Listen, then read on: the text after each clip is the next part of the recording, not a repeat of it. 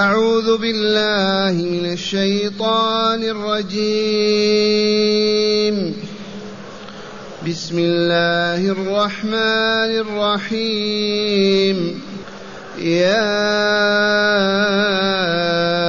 أيها النبي لم تحرم ما أحل الله لك؟ تبتغي مرضات أزواجك والله غفور رحيم. قد فرض الله لكم تحلة أيمانكم.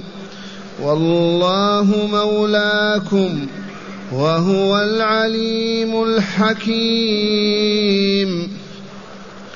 واذ اسر النبي إلى بعض ازواجه حديثا فلما نبات به فلما نبأت به وأظهره الله عليه عرف بعضه وأعرض عن بعض فلما نباها به قالت من أنباك هذا؟ قال نبأني العليم الخبير. إن تتوبا إلى الله فقد صغت قلوبكما. وإن تظاهرا عليه فإن الله هو مولاه فإن الله هو مولاه وجبريل وصالح المؤمنين والملائكة بعد ذلك ظهير عسى ربه إن طلقكن أن يبدله أزواجا أن يبدله أزواجا خيرا منكن مسلمات مسلمات مؤمنات قانتات تائبات. تائبات عابدات سائحات ثيبات وأبكارا. أحسنت. معاشر المستمعين والمستمعات من المؤمنين والمؤمنات هذه سورة التحريم وتسمى سورة النبي صلى الله عليه وسلم. وسبب نزولها أن حفصة أم المؤمنين بنت عمر بن الخطاب رضي الله عنهما ذهبت إلى بيت أهلها وتركت حجرتها. وللنبي صلى الله عليه وسلم جارية أما وهي ماريا القبطية. فدخل معها في حجرة حفصة. فجاءت حفصة فتألمت. على فراشي يا رسول الله وفي حجرتي فأراد الحبيب صلى الله عليه وسلم أن يخفف ألمها فقال لها اسكتي لقد حرمتها لا أطأها فهي علي حرام. ولا تقول لأحد هذا. وتمضي الساعات أو الليالي والأيام وتخلو حفصة بعائشة وهما متحابتان. فأطلعت حفصة عائشة بالحادث وقالت لها كذا وكذا. إذا فتألم لذلك رسول الله صلى الله عليه وسلم حيث أخبرته عائشة بأنه وقع كذا وكذا.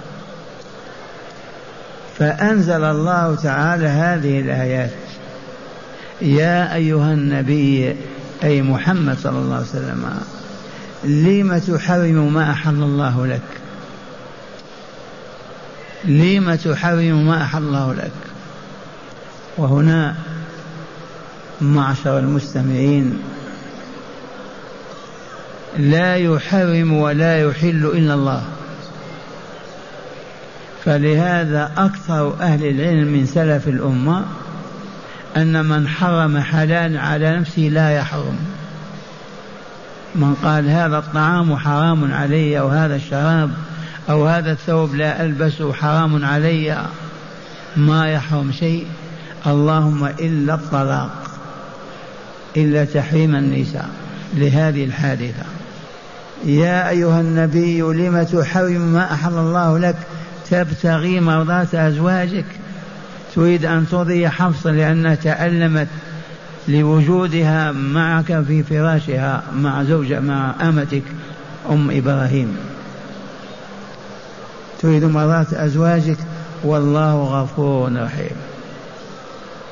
ومن كان الله وما, وما دام الله غفورا رحيما فهو يغفر لكم ويرحمكم الكل حفصة وأنت وماريا قد فرض الله لكم تحلة إيمانكم.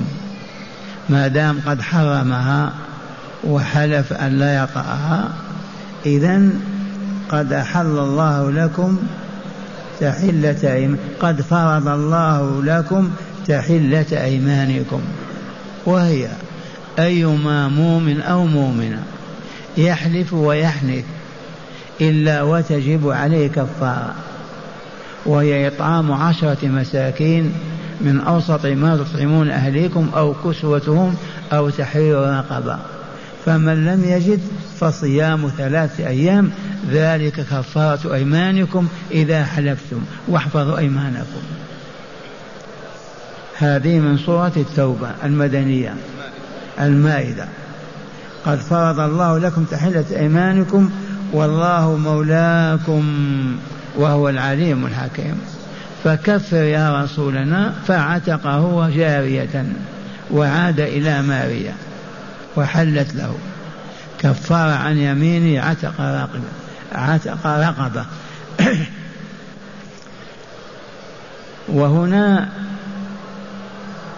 من حرم وقال لزوجتي أنت علي حرام أو بالحرام لا تفعلين أو إن فعلت فأنت حرام. هذه المسألة يذكر القرطبي في تفسيره أن فيها ثمانية عشر قولا. منهم من يقول بانت بينونة كبرى من يقول طلاق ثلاث ومن يقول طلاق رجعي و و و وما أكثرها. والذي عليه أكثر أهل العلم ومنهم عمر أن ما عليه إلا كفارة يمين فقط. والرسول كف كفارة يمين عتق الرقبة على يمينه. والرسول الكريم في رواية مسلم عن ابن عباس إذا قال رجل لامرأة علي حرام فهي كفارة فهي كفارة يمين. لأن الذي يحلل ويحرم هو الله عز وجل. فمن حلف على امرأته عليه الطلاق أو بالطلاق أو بالحرام إن كان ناويا بذلك أن يخلص منها ويطلقها فهي طلقة. وإن كان فقط يريد منعها إن خرجت فأنت حرام إن قلت فأنت محرمة عليه الطلاق إن ذهبت إلى بيت أبيك مثلا وهو لا يريد طلاقها أبدا. ففي هذا كفارة يمين وهو أرفق وأرحم بالمؤمنين. الذي يقول لزوجته أنت محرمة عليه بل حرام. أكثر العوام يقولون بالحرام أو أنت محرمة أو كذا إن كان عازما على طلاقها. إذا فعلت ما نهى عنه مريد طلاقها يريده فهي طلقة ويراجعها إن شاء. وإن كان لا يريد طلاقها أبدا يريد أن يمنعها من أن تقول كذا أو تفعل كذا أو تدخل في كذا وتخرج كذا ففي هذه كفارة يمين. إطعام عشر مساكين أو إطعام أو صيام ثلاثة أيام. أو عتق رقبة إن كان يمكنه ذلك. فكفارة إطعام عشرة مساكين من أوسط ما تطعمون أهليكم أو كسوتهم أو تحرير رقبة. فمن لم يجد فصيام ثلاث أيام. عجز عن الإطعام يصوم ثلاثة أيام. هذه الحادثة هي التي شاء الله أن يقرر بهذا الحكم بين المسلمين. قد فرض الله لكم تحلة أيمانكم وهي آية التوبة. إطعام عشر مساكين إطعام صيام ثلاثة أيام عتق رقبة قد أحل الله لكم تحلة أيمانكم والله مولاكم وهو العليم الحكيم ولهذا رحمنا. ثم قال تعالى وإذ أسر النبي إلى بعض أزواجه حديثا ما أصر إلى حفصة أصر إليها وورد أنه أصر إليها كذلك أن والدك مع أبي بكر سيكونان خليفة لي أو ملكي ملك ملك ملكين بعدي. أصر هذا وتعهد أن لا تخبره أحد أن لا تصلح عليه أحد. إذ أصر النبي إلى بعض أزواجه حفص حديثا فلما نبأت به أخبرت عائشة صديقتها ومحبتها. فلما نبأت به والرسول تعهدت له أنه لا تخبر وقال لا تصلي أحدا. ولكن الحياة وكذا والجهل ما أقول الجهل اجتهدت قالت إيش فيه إذا أخبرت عائشة. فأطلعت عائشة عن هذا الحادث الذي أخذ الرسول عليه العهد لا تطلع عليه أحدا فلما نبأت به أي أخبرت بعائشة وأظهره الله على الرسول عرف بعضه وأعرض عن بعض.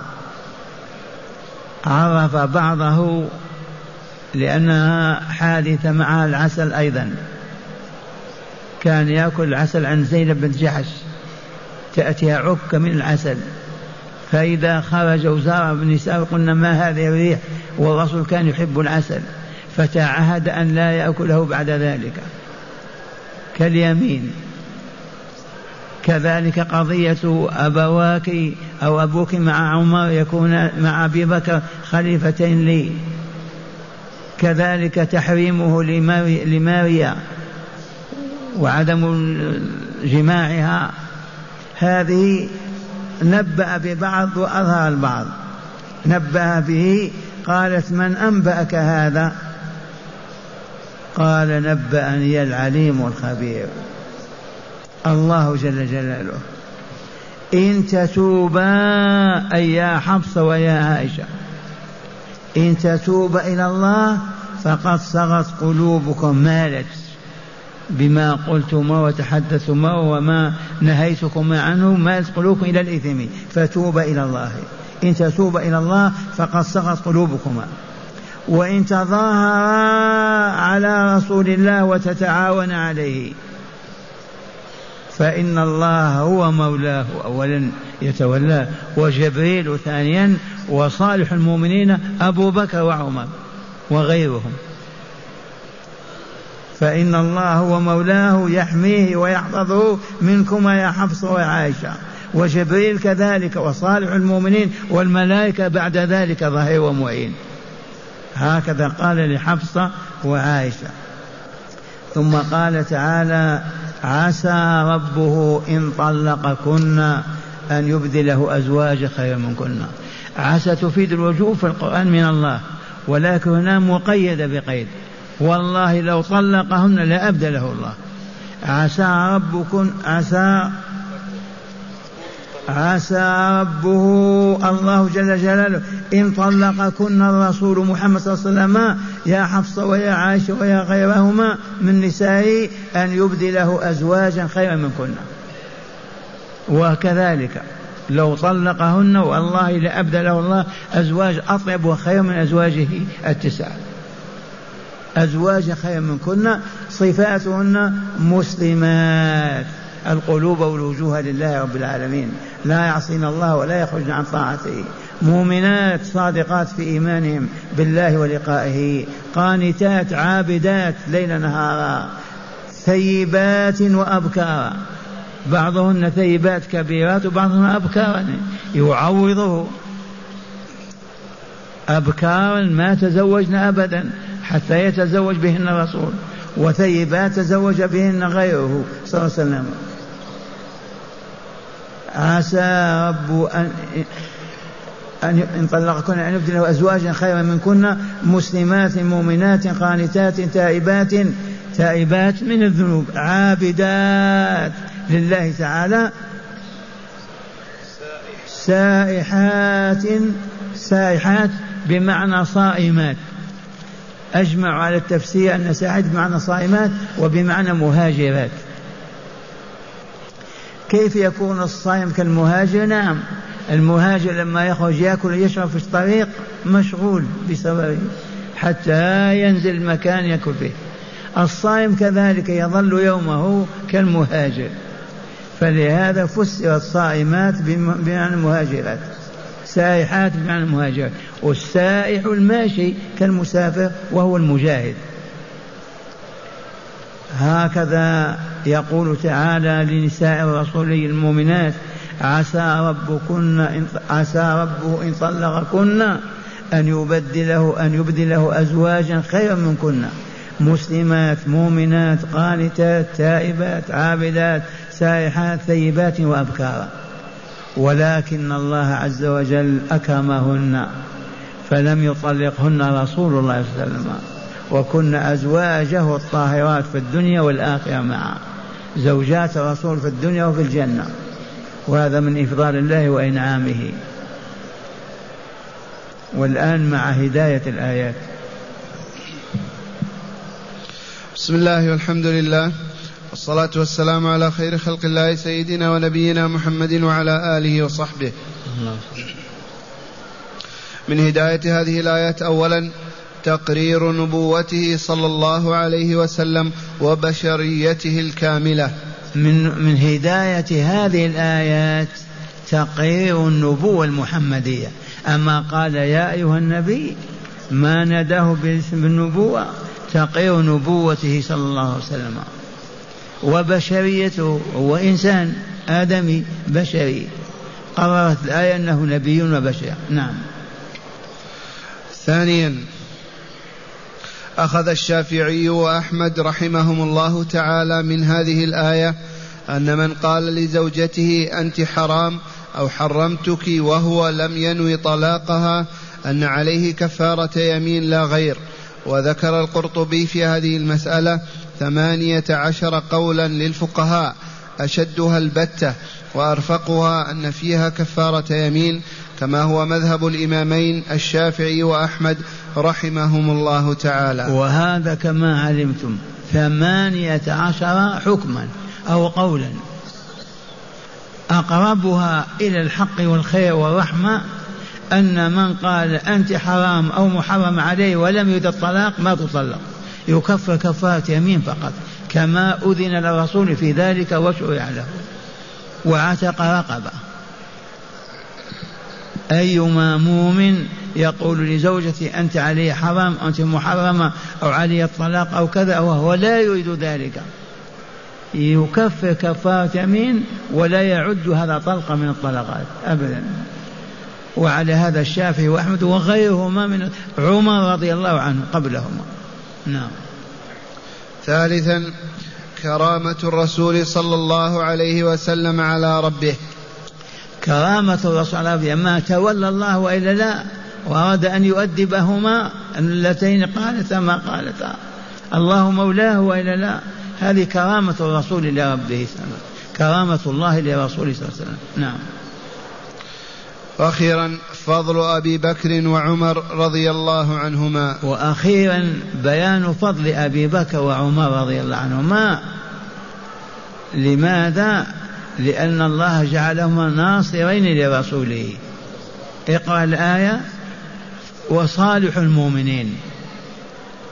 سياق الآية الكريمة. إن تتوبا إلى الله فقد فقط وإن تظاهر عليه. يا عائشة ويا حفصة فإن الله مولاه يتولى وجبريل وصالح المؤمنين هما عمر وأبو بكر الصديق. وعمر قال كلمته وأراد أن يؤدبها وكذلك أبو بكر. نعم. ونستمع الآيات مجودة مرة ثانية.